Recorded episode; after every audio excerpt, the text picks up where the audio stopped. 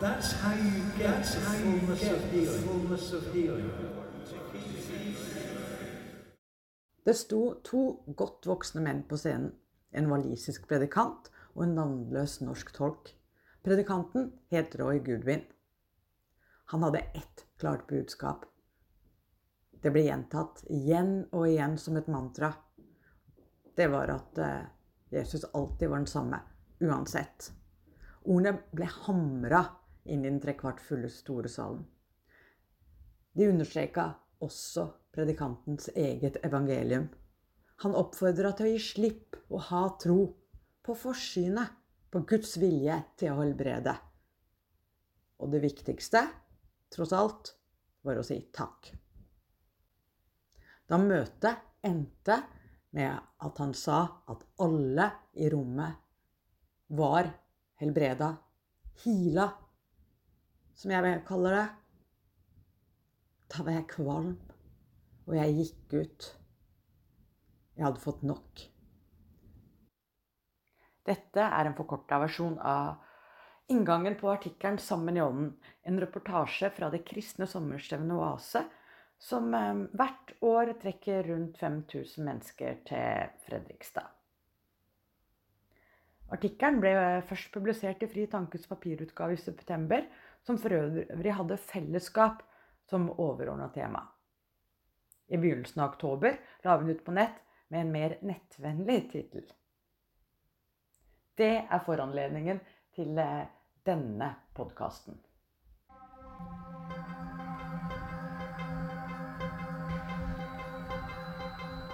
Og det var den eh, nettutgaven som er årsak til at vi nå sitter i um... Oslo misjonskirke i Betlehem. Ja. ja. Og du er eh, pastor? Det er riktig. Her holder jeg til. Ja. Nå er du inne på det, i det aller helligste, mitt kontor her. Ja. Så bra. Vi må ha navnet ditt med en gang, Erik. Ja. Altså, jeg heter Erik Andreassen. Og ja, har vært her og jobba her siden 2005, mer eller mindre. Ja. ja. Så det. Fordi du så nettartikkelen eh, på, altså delt på Twitter. Ja. Ja, vår felles venn Didrik Sødelin delte den, og så så jeg den. Og så gjorde jeg sikkert liksom klassisk sosial mediefeil, at jeg liksom reagerte bare umiddelbart på tittel og ingress, kanskje. Og så, eh, og så Ja, så reagerte jeg på det. Og så tok jeg kanskje lese den etter hvert, men det, umiddelbare var sånn åh, nok en gang så er det noen som uh, misforstår, eller som uh, ja, ikke skjønner bildet, eller et eller annet sånt. Ja. Du, du skrev din lengste twittertråd noensinne. Ja, ja, Jeg prøver ikke å være for mye på Twitter for øvrig, men jeg, jeg gikk og tenkte litt på det her. Jeg skrev jo først en sånn her umiddelbar kommentar. bare sånn, Det var vært interessant å vite Eller at det var flere ting jeg stussa på, tror jeg jeg sa. Eller dette var spennende å lese, men noen ting jeg stusser på. Så skulle jeg ut i skogen med barna og kona og, og sånn, og brenne bål, og så gikk jeg og tenkte litt når jeg var der ute. Så kom jeg tilbake og skrev denne tråden under denne artikkelen. Ja. ja. Så. Og hva var det første du reagerte på? Altså Først når jeg så artikkelen, eller så overskriften, da, så er det jo sant, på, på, I nettversjonen så var det jo som så, så var overskriften 'Kvalmen treffer som et slag i magen når predikanten påstår han helbreder kreft'. Og så tenkte jeg oi, det var kraftige, kraftige saker, da.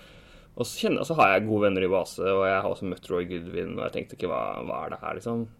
Eh, og kanskje var det en sånn kombinasjon av fordom, skråstrek eh, erfaring, at eh, noen ganger når det er eh, journalister som kommer utenfra, da, utenfra blikket, så er det liksom, det er liksom åpenbare ting man misforstår eller man bommer på eller ikke, ikke får med seg. da. Og bare at det sto at han påstår han helbreder kreft, så tenker jeg nei, det, det, kan han ikke ha sagt. For at det, han ville aldri ha sagt det. Og da blir jeg sånn, han ville ha sagt at Gud helbreder.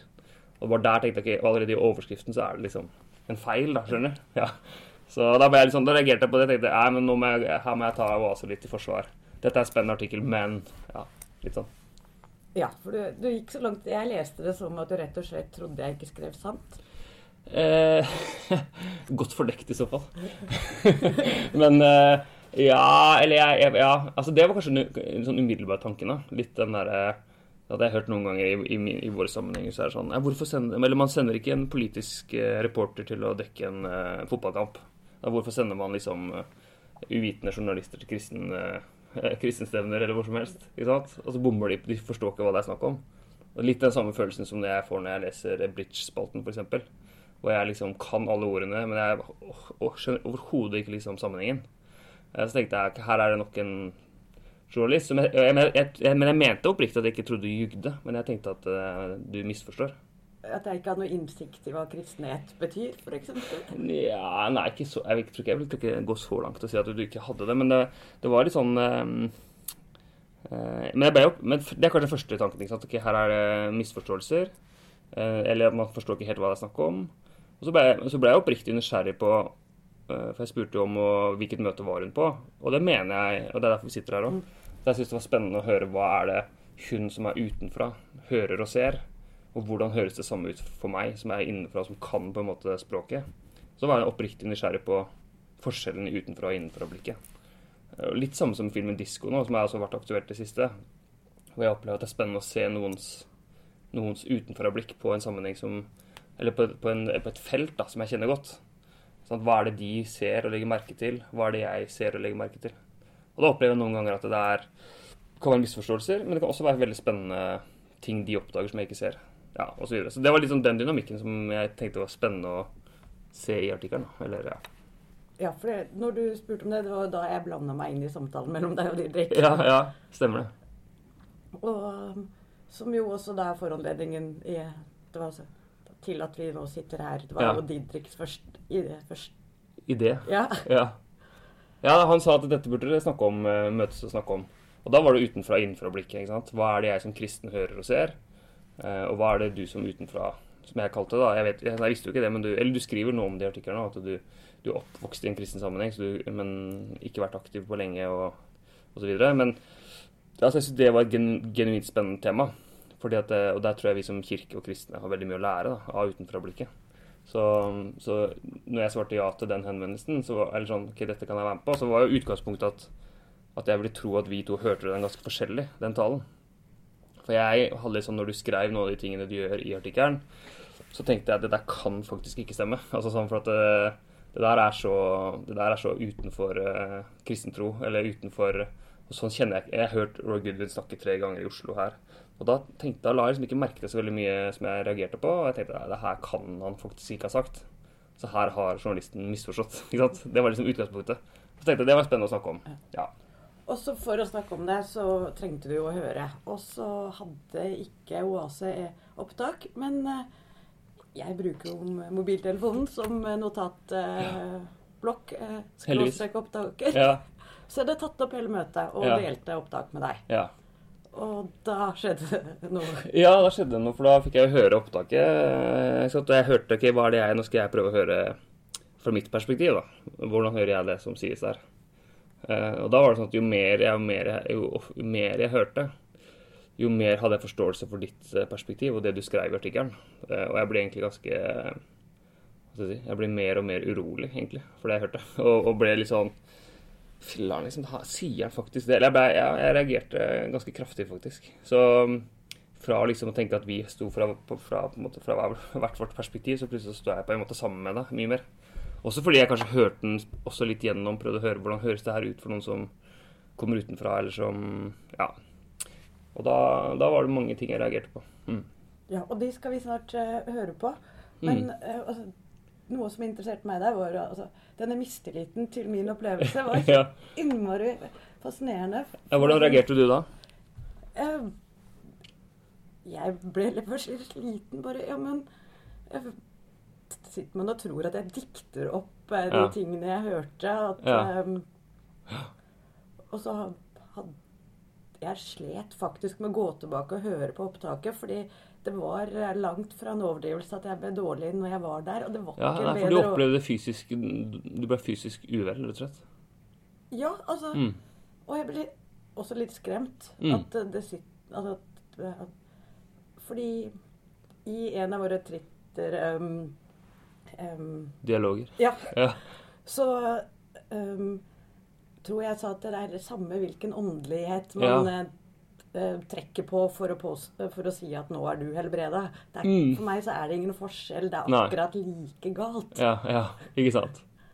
Ja, jeg skjønner. For det var noe av det som jeg kanskje reagerte på, som jeg mente du har måttet misforstått, eller som du beskriver feil. Og det mener jeg på en måte at du gjør, for at han, han sier aldri i, i løpet av de 90 minuttene at han helbreder kreft. Sånn som du skriver i overskriften. Eh, Men for deg så tenker du at det er ikke så veldig viktig om han kaller det for Gud eller eh, hva som helst. Altså Det du mener er vel at dynamikken som skjer der, er at det reelt er han som står og påstår det, på et vis. Ja, kan, Sett utenfra. Ja. ja, jeg kan ikke forstå at noen mennesker kan ha innsikt i hvem Altså hvis helbredelse skulle inntreffe. Ja. Altså, Hva som forårsaker det. ja. Altså, jeg tenkte det er litt sånn, For meg så er det litt stormannsgalskap. Ja, ja. Men sett innenfra, da, så er det jo for meg som jeg skrev da, da, så er det kjempestor forskjell for meg om han står og sier at 'jeg kan helbrede kreft', eller om han sier at eh, 'Gud kan gjøre det' i Jesu navn. Altså, det er forskjell på kristen tro og vranglære, som jeg vil kalle det. da, ikke sant? Sett innenfra. Og Det er et sånt eksempel på hvor jeg mener utenfra-blikket og innenfra-blikket er forskjellig. da. Og jeg kan tenke at det er kjempestor forskjell på om det er Jan Hanvold som samler inn penger til sitt eh, medieimperie, utenfor å trekke bare en parallell, eller om det er en kristen menighet som samler inn tiende, sånn som det er gjort siden kirkens begynnelse. ikke? Det er kjempestor forskjell, men sett utenfra så er det penger, og det er tro. altså, Men igjen, det er bare et eksempel på innenfra- og utenfra-perspektiv, som jeg mener er Kunne vært en samtale. Men som, ja. ja. Jeg vil jo inn på sånn at altså, om man sier at uh, han helbreder eller ikke, så trekker de aller fleste, fleste healere Ja. som jeg har eh, ja. hørt, de trekker på en eller annen form for eh, kraft utenfor seg selv, Ja. som de har tilgang til. Ikke sant? Sånn at det er bare ordene som er stort sett forskjellige, hvilken kraft det er snakk om. Er så...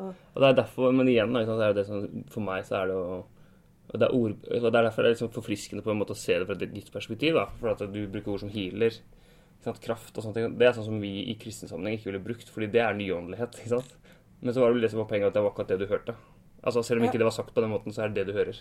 Ja, det, altså alle um dette skal altså komme tilbake, men Ja. måten å snakke på ligner Ja, retoriske altså, Ja, som Og det var ganske ubehagelig. ja Jeg beklager at jeg fikk det til å framstå som at jeg ikke trodde på det, men sånn der, men, det men det er jo også basert på erfaring. altså Jeg har vært i en del sammenhenger hvor jeg har møtt journalister, også kristne journalister.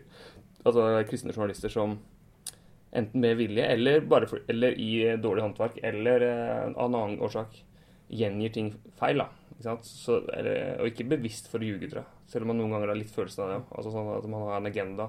Og det er klart, det er sånn, Human-Etisk Forbund har ikke liksom det er ikke sånn i utgangspunktet at dere har 100 i kred i og med at dere vil kristenheten vel, liksom.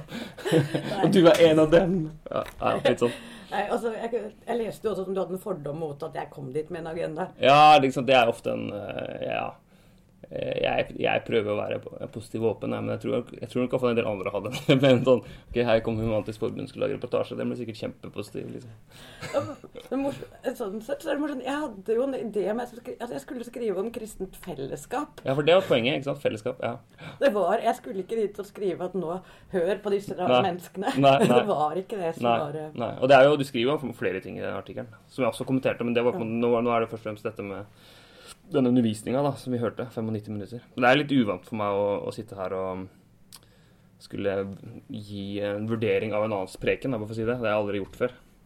Så, ja. Det er litt sånn, eh, nesten litt sånn ubehagelig, men eh, det kjennes bra likevel, på et vis. Em, Skal vi høre på Ja, vi kan gjøre det. Jeg må bare si en ting til om det jeg akkurat sa. For at jeg, jeg er litt eh, Eller jeg vil bare si, gjøre en avgrensning, da, for nå skal vi kommentere en del av det vi hørte. Så jeg, jeg, og jeg kommenterer bare det jeg har hørt i 90 minuttene. jeg tar ikke stilling til Roy Goodwin, han som forkynner, generelt. Jeg mener ikke noe om oase. Altså, jeg har gode venner i oase. Så det er liksom Nå snakker vi bare om det vi hører. Eh, det er liksom viktig for meg å si. At eh, Ja. Så er det jeg kommenterer. Så er det følelser, så kommer jeg til å få folk som kommer til å si at eh, Eller jeg vet liksom hvordan reaksjonene vil bli. Altså, Noen vil si at jeg dømmer. Hvem er du til å dømme? Og sånne ting. Kommer til å sitere Bergprekenen, hvor Jesus sier at, eh, at du skal ikke dømme. Men så står det rett under der, da. Så sier Jesus at vi skal eh, vokte oss for falske profeter. Og at vi må kjenne frukten på treene. Det er treet på frukten. Og det kan man heller ikke gjøre uten å gjøre en kritisk vurdering av det man hører. Så jeg, liksom, jeg gjør det i en slags eh, visshet om at det er en riktig ting å gjøre, men jeg tar ikke hensyn Eller jeg liksom vil ikke bli tatt inntekt for at jeg mener masse om Roy Goodwin generelt, eller Oase eller noe som helst. Ja. Nei, jeg Men, bare, har ja. også bare hørt denne her. Jeg kan ikke si om alt han gjør er på det nivået Nei, nei, det nettopp det. Det er nettopp det. Så det er jo litt sånn eh, Det er derfor jeg mener vi også kan om Hvis vi tenker en tanke om at vi to sammen hadde gått på et møte hvor ingen av oss kjente bakgrunn eller sammenheng, og så hadde vi lytta til det som hadde hørt, eh, blitt sagt, hva hadde vi da tenkt? Det er litt den liksom, samtalen jeg tenker vi har, da. Det er den samtalen vi har. Ja, ja ikke sant. Med litt attåt. Ja, ja. Um, og um, det vi skal høre nå, er uh, et stykke ut Det er uh, litt i underkant av en halvtime ut i uh, Ok. Ja. prekenen. Mm. Um, han har da fortalt en lang historie om en bilulykke han og familien er involvert i. Mm. Det jeg ikke spiller av, er deler av det hvor han snakker om at uh, dette var Guds forsyn. altså dette var, Han hadde blitt tillatt han å komme i den ulykken, for deretter Ja? Gud, Gud tillot det å skje, men han skulle også føre han gjennom det på et vis. Ja. Eller noe sånt. Ja. Og dette var ganske omstendig og langt forklart. Lang historie. Mm. Sånn at vi hopper over en del av Altså, vi hopper over nesten Vi hopper over rett og slett alt som handla om eh, Selve historien. Ja. Også fordi der er det ting som er svært vanskelig å forstå, som skjedde det, skjedde det ikke? Ja.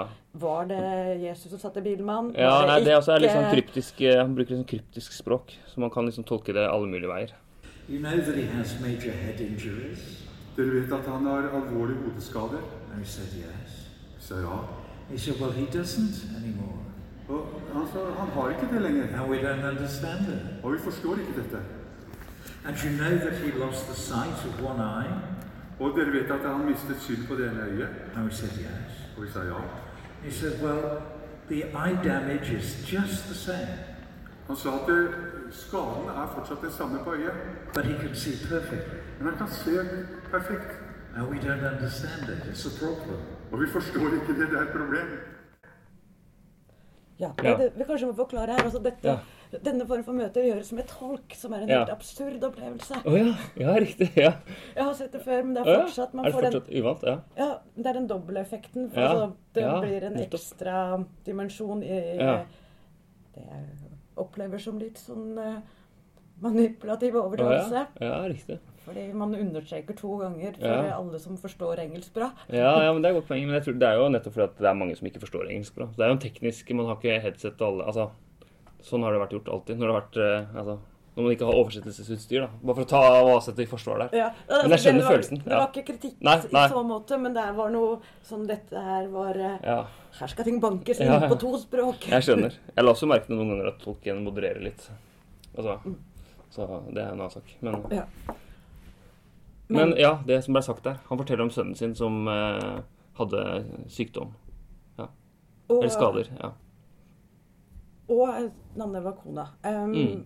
Og de ble jo da bråfriske. Mm. Ja.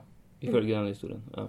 Ut, altså, he, alle ble helt helbreda. Ingen hadde fått skader etter å ha vært døden nær, alle sammen. Ja, nærmest. Det er i hvert fall, det, det er i hvert fall en mulig tolkning han sier. Eller jeg vil si at det er, det han eh, Jeg tipper hvis jeg hadde spurt han nå, så ville han sagt at det var ikke helt var det han sa, men det er det man hører at han sier.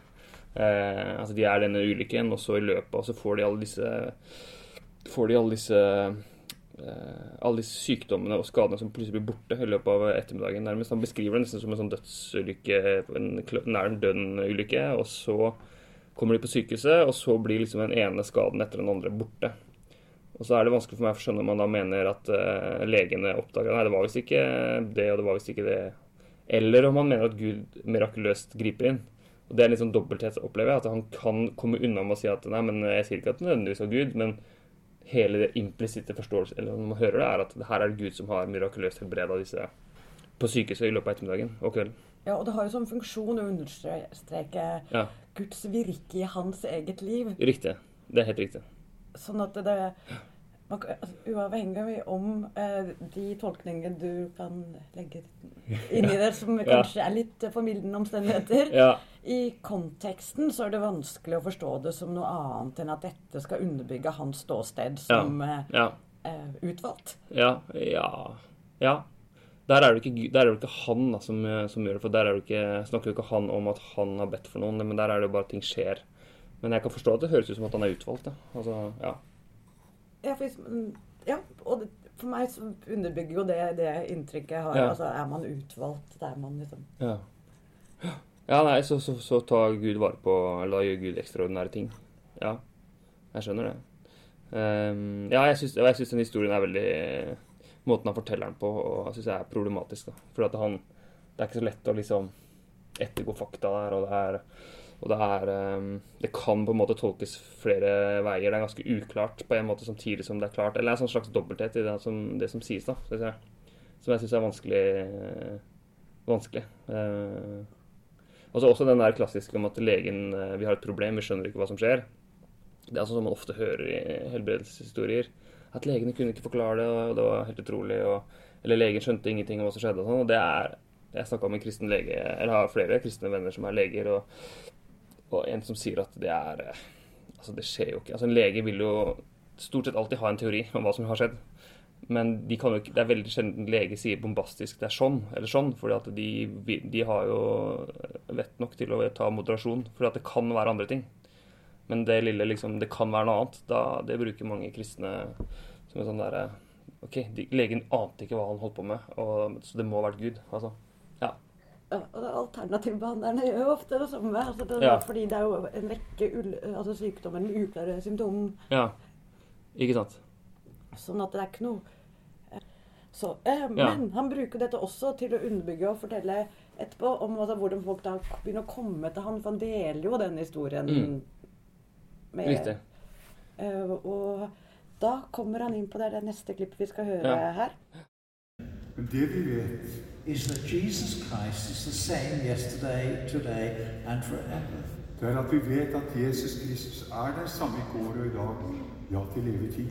When we minister healing to people in the name of Jesus, Og når vi bringer helbredelse fra- fra Jesus til mennesker, we see most of them wonderfully healed. så ser vi de fleste bli vidunderlig helbredet. But sometimes somebody is not healed, Men noen ganger så er det noen som ikke blir helbredet. And that is hard. Det er vondt. And it hurts. We feel their pain. Det sårer oss, vi kjenner deres smerte. But there are two things we know. Men det er to ting vi vet. The first is that Jesus Christ is the same yesterday, today, and forever. Ja. Ja. Eh, Dette er et av de klippene du trakk fram. Eh, Ja. Dette er et også. Det var veldig interessant når du sendte meg um, Mm. oversikt over hva du syntes var viktig å snakke om, var at dette var en av de tingene jeg reagerte skikkelig på. Ja, ja. At du reagerte på samme. Ja. Ja. Nei, her, det her reagerer jeg veldig sterkt på. Og det er eh, ja, mye å si om det. Og han er på en måte inne i en, liksom en periode her hvor han akkurat snakker om de som ikke blir eh, mirakuløst helbreda av en bilkrasj. Så tenker jeg ikke, og da, når jeg hørte det første gang, tenkte jeg ikke det er i hvert fall bra at han sier noe om det. Altså, sånn, for det er jo en, Noen gjør ikke det engang. Altså, man snakker ikke om de som ikke blir friske. Så det gjør han jo. Han viser en slags empati og sympati for de som ikke blir friske. Um, og han sier også det som jeg mener er riktig å si, at det har ikke noe med Jesus å gjøre, og det har heller ikke noe med den, det mennesket å gjøre. Og det tenker jeg er bra, da. Uh, men det han sier her, er jo at 'most of the people we pray for are wonderfully healed'. Altså det betyr altså de, de, fleste, de fleste vi ber for, altså flertallet, eller mer enn 50% av de vi ber for, blir uh, vidunderlig helbreda. Og da blir jeg sånn derre Det tror jeg rett og slett ikke noe på.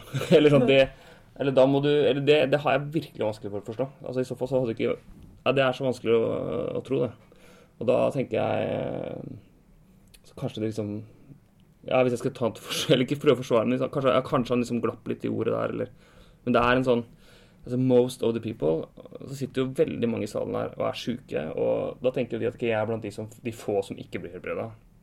Men jeg mener jo at eh, det hadde ikke vært behov for leger i, i mils omkrets til uh, det stedet i Wales, hvis det er sant. Altså, uh, og så kan man kanskje snakke ja, men det er en slags åndelig betydning av helbredelse, eller en slags uh, eh, ja, helbredelse i en utvida forstand, men han snakker veldig konkret om helbredelse her. Så det er, det, vi må ta han på at, eller må, vi må tenke at han snakker faktisk om helbredelse fra sykdom. Og så sier han at de fleste vi ber for, blir wonderfully healed. Og det mener jeg enten så bare overdriver han, eller så forsnakker han seg, eller så ljuger han, på en måte. Og, jeg, og det reagerer jeg kjempesterkt på. Ja. Hvordan reagerer du på det? Jeg syns jo det er helt absurd, akkurat Ja. det der. Men i tillegg så Altså, jeg tok kanskje klippet ørlite lenger enn det du sa, fordi Ja. jeg vil også ha fram dette Den tingen han sier Ja, helt, ja. eh, hele tiden, så gjentar jeg det, er alltid den samme. Ja. Og den funksjonen det får, og særlig den altså settinga der, er jo selv om han, han sier at dette, nei, vi vet ikke hvorfor, men um, Jesus Gud, er i går ja, alltid den samme. ja. Um, og så noterte jeg stort på min blokk når jeg var der. Ja. Tilfeldig. Ja, ja, ja. Fordi at uh, Altså, jeg får nemlig Dette er sånn jeg, jeg får ikke logikken til å gå opp. Det blir Nei. en helt logisk brist. Altså, enten så vet man at det er en mening, Ja. og da påstår man at man faktisk vet Ja. viljen til noen som alltid er den samme. Ja. Ellers så eh, vet man det ikke, og da kan man heller ikke si Altså, man får så mange lag. altså hvis jeg, Man går selvfølgelig inn på Men analytisk å bare høre på det der er en sånn derre Totalt logisk brist. Jeg er ikke sånn ikke-troende som er sånn at jeg trenger logiske svar og Nei, som fornuftige løsninger. Men jeg trenger gjerne at ting henger sammen. Ja, ja. Det må, gi, det må, være, det må være en sammenheng. Altså, han bruker jo ordet mysterium her et sted, og det er, en måte, det er et ord som jeg altså har altså, jeg mye sans for. For at jeg tenker at det er ting jeg ikke helt kan forklare. Og jeg mener sant, det er mye Gud jeg ikke forstår og ikke kan. Og, og jeg tenker at det er veldig mye altså Mystikerne mener jeg har mye for seg altså, i en kristen tradisjon. Da. Men han bruker det ordet som en slags Eller jeg mener som en unnskyldning for å, å dekke over det som er logiske brister og helt åpenbare motsigelser da, i det han, det han sier. Eh, og det er det jeg eh, det, altså, Han bruker et vers fra hebreerne eh, sikkert 30 ganger i løpet av den preken, eller enda oftere. Altså, han er som du sier da. Mm. Jesus er i går og i dag den samme til evig tid. Han sier det igjen og igjen og igjen. Ja, Vi kommer litt, kanskje litt tilbake til det, for det er en kommentar jeg har på slutten. for han, han sier det, og samtidig så, så Eller ja, det, det, er, det er noe problematisk med måten han bruker det på. Og det, ja, og, og, enda lenger ned også. kanskje Jeg vet ikke om vi kommer inn på det, men Ja, altså, jeg tror det er en manipulasjon i det. fordi altså, gjentagelser har mange effekter. mm, Men i hvert fall når det gjelder å komme til overbevisning, så er det et enkelt retorisk grep. Ja. Si det samme om igjen og om igjen og om igjen. Ja. På et eller annet tidspunkt så har det sivet ja, ja. inn.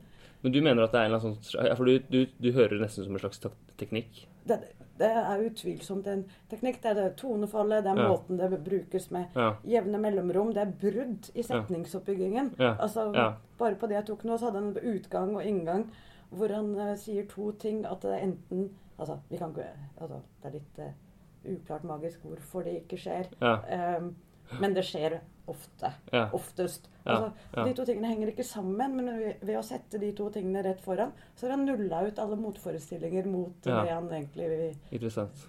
Og Det syns jeg var spennende når du, når, når du sa det i Stockholm første gang. For at jeg jeg lurer liksom på Kanskje jeg også gjør det noen ganger når jeg taler. Altså, altså vet jeg ikke om han eh, Om han her gjør det bevisst, eller om han gjør det Han har bare merka at det funker. Eller liksom ehm, Og det er noen ganger jeg kan tenke eh, altså Bare en parallell igjen til filmen 'Disko'. Så leste jeg en kommentar hvor noen kommenterte prekenstilen i moderne frikirker. Hvor det er liksom standup, og de bruker humor og, og sånn og sånn. Så tenkte jeg, er det i seg selv noe feil? Altså, hvorfor er det Hvorfor skal, Fins det én mal for hvordan en preken skal være? Altså, må det være tekstlesning, liksom? Eh, kan vi ikke bruke hele Jeg kan tenke som kristen, da kan vi ikke bruke all re- retorisk eh, Hva skal jeg si eh, Alle retoriske grep i boka. ikke grep, eh, ikke knep heller, men liksom kan vi, altså, God retorikk, er ikke det god retorikk? Altså, når, blir det, når går det fra å være god retorikk, stor talekunst, hvis det har vært Obama som sa det, og når går det over til å bli manipulerende eh, eller teknikker, da, som du sier? ikke sant? Og, og, ja, og, her, er- og jeg, jeg vil ikke dømme dette på den ene eller andre, men du hører teknikk og grep. og Jeg kan tenke at kanskje han ikke er klar over det, at det er det han gjør, men ja, jeg vet ikke. Jeg bare ja. Altså, jeg vil jo tenke så høyt om han tross alt. At Mm. jeg tenker at han vet hvordan han snakker. Ja. Han har øvd. Altså, Ja.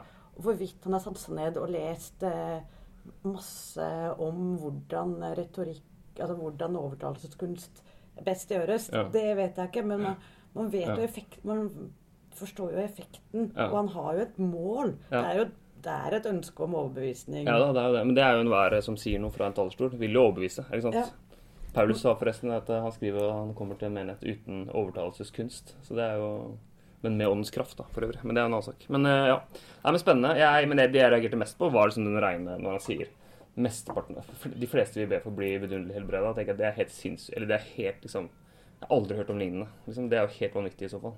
Og burde være veldig lett å kunne evidens, gi evidens for. Da er det bare å stille opp, liksom, og de kan fortelle. Men jeg, jeg tror Gud kan helbrede. Eh, virkelig. Altså, men jeg har sett veldig få historier om det, hvor ikke det også kan finnes gode, eh, naturlige forklaringer. For sånn. Og Gud blir ikke noe mindre i min verden om en person blir frisk av seg selv, eller gjennom en lege, eller hva som helst. Eller placebo, for den saks skyld. Altså sånn, Men, eh, men eh, når han sier at de fleste vi ber for blir vidunderlig helbreda, da tenker jeg det er å Altså, det, altså det, tror jeg bare slutt ikke på. Eh, og da er, hva er det da? Er det løgn, eller er det, hva er det? Jeg vet ikke. Nei, Han fungerer jo også som et medium der, da. Ja, du, ja, du mener det? Ja, da, altså, vi Eller han sånn, ja, ja. så, han, det, Ja, sånn, ja. ja. fordi, du høres som det, ja. Ja, altså, i det så eh, Fordi jeg En slags kanal for, den, for det åndelige. Ja. Mm. Sånn at det Og når det går gjennom Altså Hvis jeg vranghører, så er det sånn fordi det går gjennom han, og så skal, Ja. er han så god at han skal lære det videre. Det er Ja. hans rolle der som lærer, Ja, ja, er jo ja. at han har en egen tilgang. Ja, jeg skjønner. Ja, det er interessant. Eh, for det er jo ikke det Det er der jeg tenkte at det er ikke kristentro hvis man tenker at en sjøl er en slags kanal eller en, et medium. ikke sant? Så var derfor jeg også reagerte på overskriften at han påstår han helbreder kreft. For det vil jeg si at nei, det gjør han ikke. Men det ligger ganske, ganske tett opptil, da. Når jeg hører det du sier, og når jeg hører det han sier, så skjønner jeg hva du mener. på en måte. Og det er noe av det problemet, sånn det, det dypeste teologiske utfordringen her, som ikke jeg skal gå inn i, og som jeg, det er andre som kan bedre enn meg, da. Men hvis jeg skal se på det fra et kristent teologisk perspektiv, så mener jeg at eh, han har en Det fins en slags eh, eh, tanke om en autoritet på Guds vegne. Eh, som kan, at man kan endre virkelighet pga. Eh, at man har fått en autoritet som kristen. Eh, som jeg mener er veldig problematisk. Også en sånn eh, en slags åndelig At man er en slags en sånn åndelig rettighetstenkning. At jeg har en rettighet overfor Gud til å kunne få dette og dette, og, og at dette og dette skal skje. Som er veldig problematisk. Og så, kan man si at det fins elementer i kristen tro. Det står et sted at uh, hvor veldig hans kraft er hos oss som tror osv. Men det er en vektleggingen og forskyvningen blir at blir ikke, kraften blir ikke hos Gud, men det blir hos oss. At jeg har mandat, jeg har kraft, jeg har autoritet. Og der er det liksom, sånn Hvis vi skal gå på de dype teologiske tingene her, så er det mange ting å ta tak i der. da. Men det jeg reagerer mest på, er hva gjør dette for de sårbare og syke som sitter i salen. Det er det jeg, det er, det er den Jeg hadde ikke giddet å sitte her og snakke om teologiske poenger, altså, men det er av hensyn til de som hører det, at jeg blir opprørt. Uh, ja. Ut fra et etisk perspektiv, rett og slett. Ja, det er jo grunnleggende i mine reaksjoner i det Ja, også. ja. Altså, for altså, en ting er alt jeg reagerer Altså, folk må få gå rundt og tro på ting det de vil. Mm. Altså helt Mm. reelt. Men man skal ikke uh, utsette andre for fare gjennom sin egen tro. Nei. Og det opplevde jeg jo at han gjorde reelt sett. Ja, men det, det kan jeg det, det hører jeg. Fordi da kan vi jo gå på det Mm, hvor, ja. altså, hvor, man, hvor det virkelig altså, Dette her er liksom Dette er fortsatt de sn- snille gåstegn-tingene. Mm. Og så er at, at noen troende har det jeg kaller irrasjonelle Ja. um, sammenhenger i hvordan de Eller um, ting jeg ikke kan forstå. Ja. Det er et det, Sånn er det jo. ja. Men eh, ja la, men hør, la oss høre mer hva du, hva du tryller fram her fra, fra opptaket. I sense the Holy Spirit saying that there is somebody here and uh, you, you have been told you have a brain tumor. Og jeg senser at det er noen her som har blitt fortalt at de har en, en In svulst the på name hjernen. of Jesus, I command that uh, brain tumor to shrink to nothing. Og i Jesu navn befaler jeg at denne, eh, denne svulsten på hjernen skal.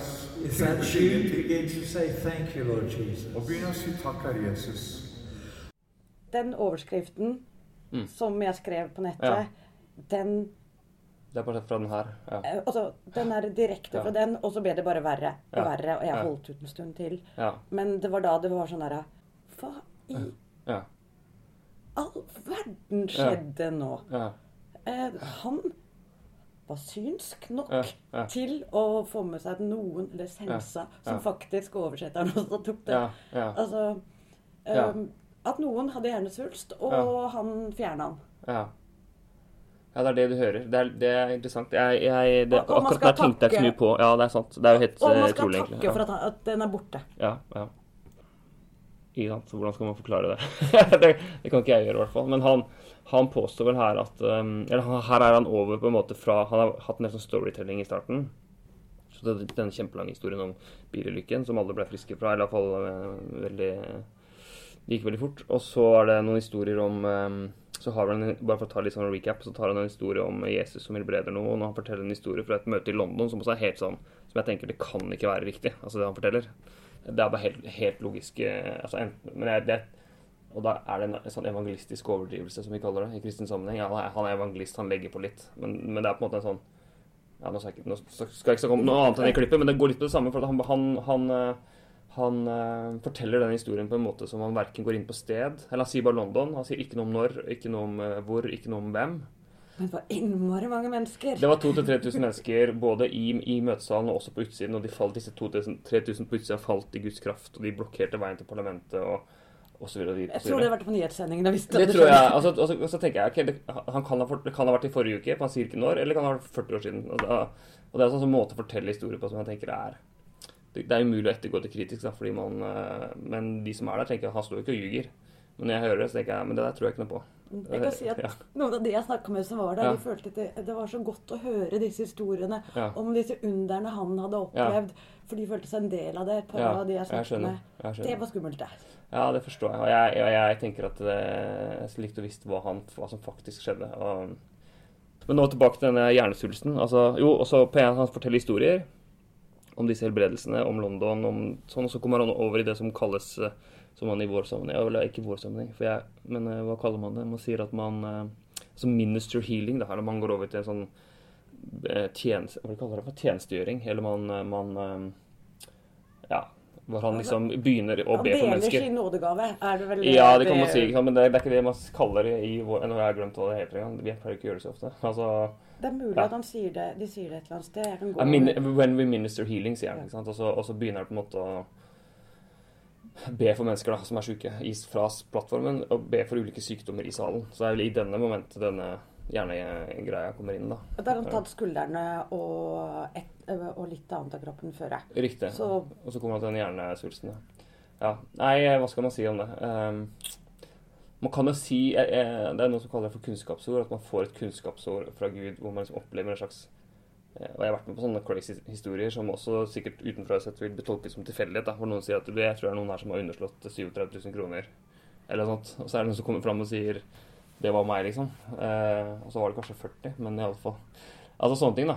Men eh, så, jeg tipper de som vil forsvare den her, vil si at ja, men dette er, et, det er Guds tiltale, vil de kalle det. Og de vil kalle det kunnskapsord. Om Eller cold reading, som det heter i andre Ja, sammenhenger. eller cold reading. Ja, ikke sant. Eh, Det er, jo- det er jo akkurat det som er poenget. At det, det ligger veldig tett opp til det. Og i en sal på jeg vet ikke hvor mange hundre mennesker det var der, så er det klart det er noen som har vondt i kne eller i skuldra eller eh, Så hjernesvulst er jo vanskelig, da. Men, ja, det, men det er ganske alvorlig. Det er en veldig alvorlig sykdom da, som, er, eh, som man tar veldig lett på, på en måte. Ja. Og vi kan jo høre mer om eh, altså, hvordan han eh, da gjennomfører hva som, og hvordan Mm. healing eller helbredelse. Keep saying thank you. Og fortsett å si takk. That's how you get the fullness of healing. Og det er måten du tar imot To keep saying fylde av thank helbredelse. you. Og fortsett å takke. And to keep saying thank you. Og ved å fortsette å si And takk, to keep saying thank you. fortsett å si takk. And that's how you keep your healing. Og det er måten du bevarer helbredelsen To på. keep saying thank you. Bare fortsett å si takk. Even if the symptoms want to come back. Selv om symptomene ønsker å komme tilbake. You tell the symptoms that they are liars. Fortell symptomene at de lyver. Because Jesus Christ is the same. Fordi Jesus Kristus er den samme. Yesterday, today, and forever. Går i dag til evig tid. And the Jesus who sets you free today Jesus som setter deg fri i dag, is the same Jesus who keeps you free tomorrow. Er den samme Jesus som setter deg fri i morgen. He has power to fulfill all his Og bevarer deg fri, og han har evne til å bevare de løftene han har gitt deg. Yes and amen? Amen. Okay. Her skjer det mye. ja. Igjen, det her er noe jeg også reagerer veldig sterkt på. Mm. Vi kan begynne med, altså, det første, han, eh, hva skal skal jeg si, han menneskeliggjør symptomer som de har egen vilje. Som de Mm. kommer og de ønsker å komme tilbake. Mm. Og de lyver til deg. Mm. Som om det er liksom Mm. På et eller annet vis så høres det ut som nei, Vi er ikke så langt unna disse åndene Shaman. Durek har snakka mye om i det siste. sånn sett. Nei, nei.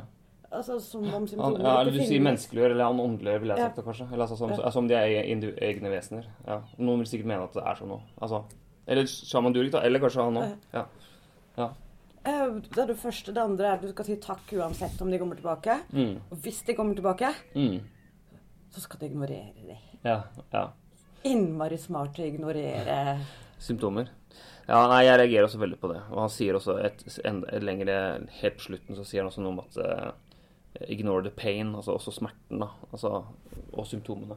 Og er, jeg reagerer kjempesterkt på det. For at jeg uh, og, og, også noe av problemet her eller, Og det er en ting han, Og det legger du merke til ofte med, med sånn her snakk om helbredelse. Så er det snakk om smerter veldig ofte. Eh, og smerte er jo en utrolig subjektiv, individuell, eller subjektiv opplevelse, følelse som eh, veldig lett kan bli borte eh, i eh, et øyeblikk av eufori eller adrenalin eller, eller det man kan kalle placebo. da, ikke? Og, og jeg syns placebo er helt fantastisk. For et Guds liksom. kan jeg tenke. Eh, ikke som en gudstrussel, men for et fantastisk del av skaperverket. Hvor kroppen rett og slett eh, reelt blir eh, bedre av å tenke et eller annet eller tro et eller annet. Og det er, det er, det er fantastisk fascinerende. Eh, og det tror jeg også skjer i sånn rom som det der, at mennesker faktisk reelt merker at smertene skulle bli borte faktisk nå når jeg løfter skuldra. Eh, og, det, og, det, tror jeg skjer, da. Eh, problemet er når han da sier at at disse smertene, eh, de som Jesus nå tar bort her og nå, de vil også være borte i morgen, eller fortsette å være borte framover, for Jesus er den samme i morgen som nå. Eh, men når disse da menneskene kommer hjem eh, som er syke, og når de er, kommer til oase med sånn reelt behov, om å bli, eller behov og ønske om å bli friske Når de da kommer hjem til sin leilighet aleine uka etterpå, og så er smerten tilbake. Fordi at sykdommen ble ikke helbreda, men smerten, symptomene var borte, eller smertene var borte for et lite øyeblikk, da, kanskje. Best case. Så når de da begynner å føle at ja, men nå kommer smertene tilbake igjen, hva, da er det plutselig en eh, ja, hva er problemet da? Er ikke Jesus den samme? Eh, hvorfor kjenner jeg smerte nå? Hvorfor, hvorfor blir jeg ikke frisk? Som fører mennesker inn i stor fortvilelse. da, og, og kan, eh, Det er det jeg på en måte kjenner som sånn ja, det er, det er, Jeg føler nesten uetisk. Og, eller ikke nesten, det er uetisk å snakke om det på denne måten. Fordi at uh, syke mennesker får store forhåpninger, kjenner midlertidig relief på en måte av sine smerter. Og så sier han at det er fordi Jesus gjør deg frisk nå. Men hva med uka etterpå, tre uker etterpå, en måned etterpå, når de fortsatt er syke? Har du ikke takka nok? Ja, har du, har du ikke takka nok? Ja, for det sier han jo. Det sånn, og det er, også, det er så mange ting her. Og det også reagerer jeg på. At han sier at dette er sånn helbredelse fungerer. Han gir jo ganske sånn, ikke bare i dette klippet, men også ellers en sånn ganske tydelig instruks. At du må gjøre sånn, gjøre sånn. Du må bare si takk. Uh, dette er sånn som det fungerer. Du må fortsette å si takk. Uh, og så tenker jeg liksom Ja, Altså, jeg kjenner så mange mennesker som har bedt og sagt takk, i all, og, og, som blir ikke friske. Og, og, han har jo tatt høyde for det. Han kjenner smerten deres sånn tidligere i talen, men han sier jo likevel at 'most of the people we pray for are healed'. Men uh, det å lage et sånt tydelig skjema igjen, det er, uh, det er ikke um, Jeg blir opprørt. Mm.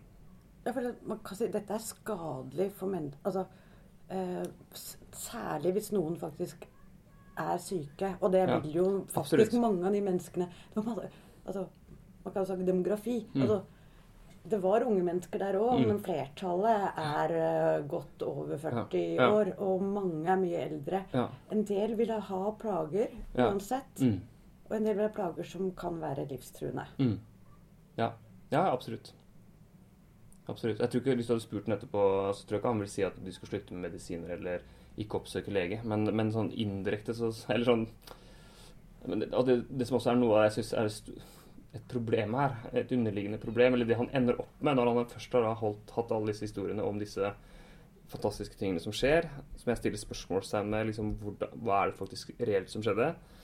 Så ender han, Og så gir han ganske tydelig instruks på at dette er sånn helbredelse fungerer. Bare gjør sånn, gjør sånn, gjør sånn.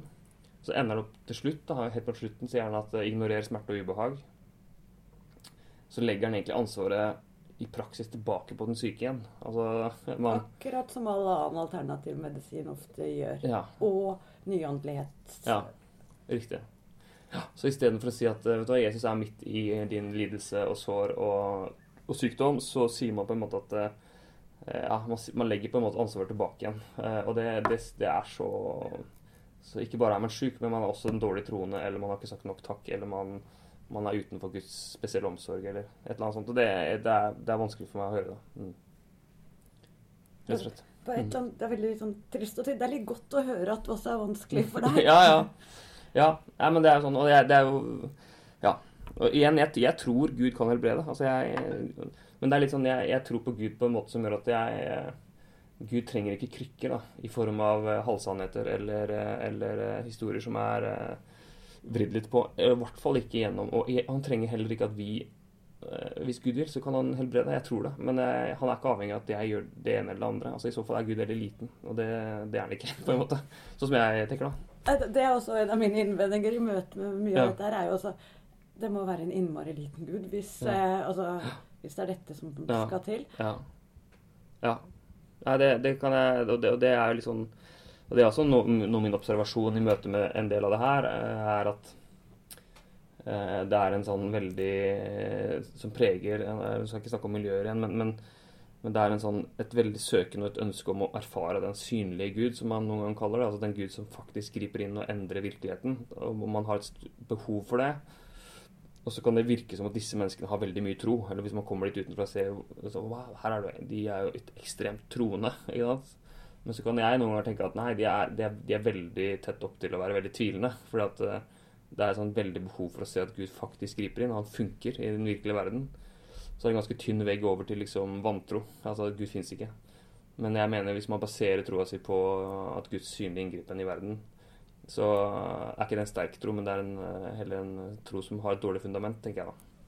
Jeg synes Det er litt fascinerende, for mitt første inntrykk, altså inngangen på teksten min, Ja. den viser jo egentlig eh, eh, mennesker som eh, utøver veldig fysisk sin tro. Ja.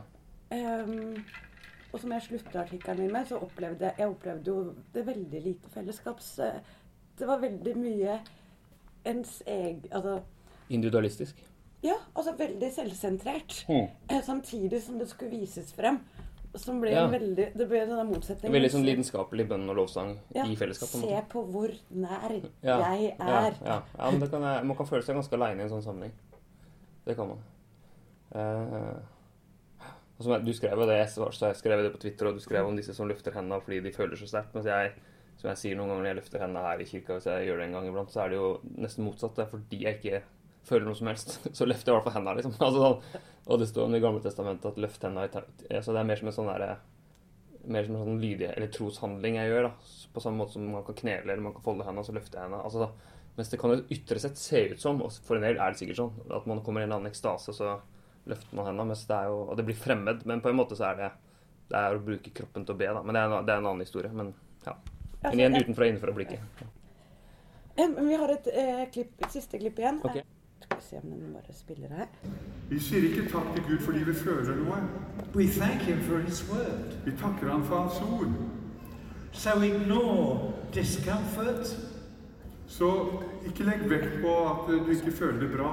Trust in who He is. Stol på hvem Han er, And say, Lord, your word is truth. og si 'Herre, ditt ord er sant'.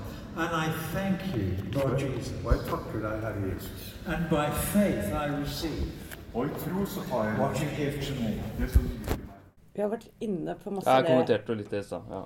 Men det som er at i dette, den der så var det én ting jeg nå ikke tok glipp av, som jeg burde tatt med. Mm. var Han sier jo også at man skal se bort fra menneskelig kunnskap.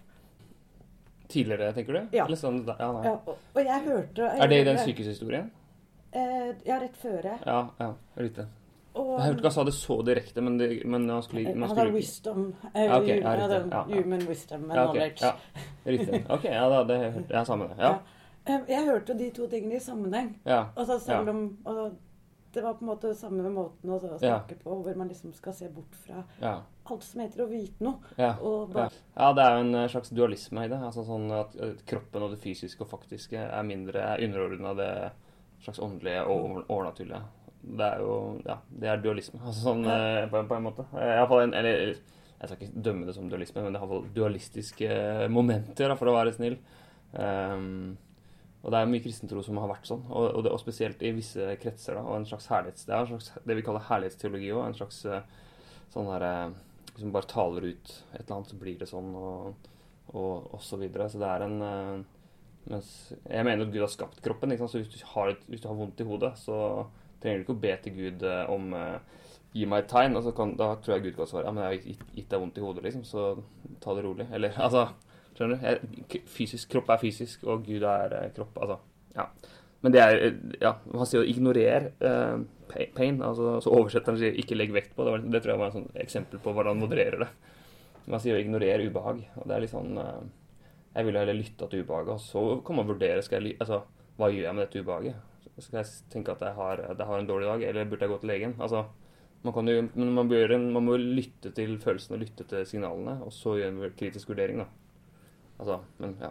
Jeg føler jo at dette oppfordres til langt mer det som da er en alternativ tenk, heter positiv tenking, framfor ja. å ta en analyse av hva er det som faktisk skjer i ja. og rundt meg akkurat ja. nå. Ja, men det er positiv tenking. Det er, det er, veld, det er veldig tett opp til det. Jeg er helt enig. Og det er det som er herlighetsteologien, og som i hovedsak kommer fra USA. Da. Det er, og den oppsto parallelt med, eller samtidig med den her positive thinking-type ideologien. Da. Så den, det er en grunn til at den har blitt grundig avvist igjen og igjen. Men den dukker opp igjen og igjen i uh, ulike valører ulike stemmer og ulike sjangre. Så. Så, og jeg mener også at vi hører den her. Så, men, men jeg, vil bare, bare si sånn på slutten her nå at jeg og det føles veldig rart for meg å sitte og snakke om en annen predikant. Jeg har aldri gjort det før. Og jeg, og jeg liksom jeg vil egentlig ikke gjøre det. Og jeg, jeg, er ikke sånn fyr som har lyst til å bli sånn som mener noe om alle. Hva, han mener feil, og han mener feil, og, og der er jeg uenig og sånn. Men det her er såpass uh, Jeg blir opprørt på vegne av de som er sjuke. Og, som, og sånn, det er der, derfor jeg får lyst til å si det her. Så, jeg har jo to, eller to mennesker som betyr mye for meg, som hva slags, slags forbilder. er jo... en, en som heter Peter Halldorf, f.eks., som er en uh, pastor i Sverige som har veileda mange, men som jeg, Jeg spurte en gang hvordan skal vi forholde oss til åndelige fenomener. Uh, og når du treffer ham, så tenker du at han er en åndelig fyr. Han, kan, altså, han, han, ser åndelig ut, på en måte. klassisk sånn der, ser ut som Munch, nesten. Hva skal man gjøre med åndelige fenomener? Og da sa han at i møte med det åndelige skal man være grunnleggende skeptisk. Og så ble jeg sånn Hæ, skeptisk? Skal jeg være grunnleggende skeptisk i møte med det åndelige? Um, og, og, da sa jeg til han du aner ikke hvor mye jeg har følt meg for skeptisk. At jeg har vært for kritisk til ting. Og da sa han at nei, men det er jo en gave. sånn. fortsett med det. Og, ja, og, det. og det tenker jeg liksom er viktig. altså sånn eh, Skepsis er ikke Det er bra da, for kristentro med skepsis og, det å være kritisk. Um, mens en del i denne sammenhengen tror jeg Eller Roy Goodwin vil si at man, i møte med det åndelige skal man være åpen. Uh, men det mener jeg at man ikke burde være. Man burde være kritisk. Og så liksom, eh, og så sa han også samtidig så sa Peter at hvis han refererte en annen ørkenfar, som han alltid gjør, da, som sa at hvis, hvis, hvis Gud taler til deg, så avvis det. For hvis det er Gud, så vil han si det en gang til. Ikke sant? Altså Avvis det gjerne en gang til, for hvis det er Gud, så vil han si det en gang til. Altså denne her liksom kritiske bedømmingen av det som man hører og erfarer. da. En, en, annen som har betydd mye for meg, er som heter Edin Løvaas, som, eh, som var medlem i kirka her, og som starta det som kalles retreat-bevegelsen i Norge. Og han sa at eh, Jeg har akkurat skrevet en artikkel om det til en bok. Han, han hadde blitt 100 år neste år, hvor han sier at det fins de som bare godtar et vitnesbyrd eh, sånn uten videre. Eh, så flott, halleluja, liksom. En historie. Og han skriver ikke negativt om de, men, også, men så fins det også de som ikke klarer å la være å stille spørsmål. Men når skjedde det? Hvordan skjedde det? Og som vil vite liksom fakta. da. Han kaller de Thomas-kristne. Og så sier han at uh, til disse som da stiller disse spørsmålene, og som er kritiske, så sier Elin at uh, ikke slutt med det. Altså, ikke slutt å stille spørsmål, for det kan være, det kan være drevet av ånden. Så det å være skeptisk, det, det, er ikke en trussel mot kristentro i min verden. Det er en, en styrke, da. Uh, fordi eh, jeg tror evangeliet er sant. Jeg tror jeg har tillit til Jesus, men jeg, og derfor blir jeg så opprørt når jeg hører uh, det jeg mener er uh, Ja, hva skal jeg si Ikke er uh, helt å stole på, for å si sånn. Hvis jeg skal moderere meg litt. Ja. Pen moderering. ja. Jeg syns jo Altså, jeg syns det er en tiltalende inngang til egen tro. Ja. Eh, du har altså okay. Særlig den biten med hvordan hvordan Jeg synes åpenhet misbrukes så voldsomt ja. i denne i alternativbevegelsen og en mengde trosuttrykk. Ja. Sånn at eh, jeg blir Og så blir jeg litt oppriktig glad at uh, at vi snakka sammen, og at du fikk høre på, mm. gjorde at uh, så, Litt yrkesstolthet. Du har ja, og du fikk ja. tiltro til at jeg gjenga etterrettelig det jeg overvar, som for meg personlig var dypt sjokkerende. Jeg trodde jo, som jeg skrev i artikkelen, det var for Var forberedt? Ja. Det var jeg ikke. Ja, jeg er takknemlig for at du delte det med meg, at jeg fikk se det, og, og fikk en liten eh, På ny bekrefta hva et utenfra-blikk kan ha å bety for å få fram ting som trenger å belyses. da. Ja, jeg jeg syns det er viktig at Mm. man skjønner altså, Også særlig i eh, da, en forsamling som Oase, som er så økumenisk, altså bredkirke. Og at dette må kunne diskuteres selv om jeg ikke deler din tro, Ja, ja helt klart. Det er en også nødvendighet. For meg, altså, jeg syns innimellom det er respektløst for eh, alle de menneskene som ikke bare er sårbare, for det høres ut som de er sårbare. Ja, Altså, men vi er sårbare. Jeg er sårbar. Ja. Altså, respektløst å behandle folk på den måten, og det er en form for lureri som jeg syns er problematisk. Mm. Ja, det, ja, det skjønner jeg at du uh, sier. Ja.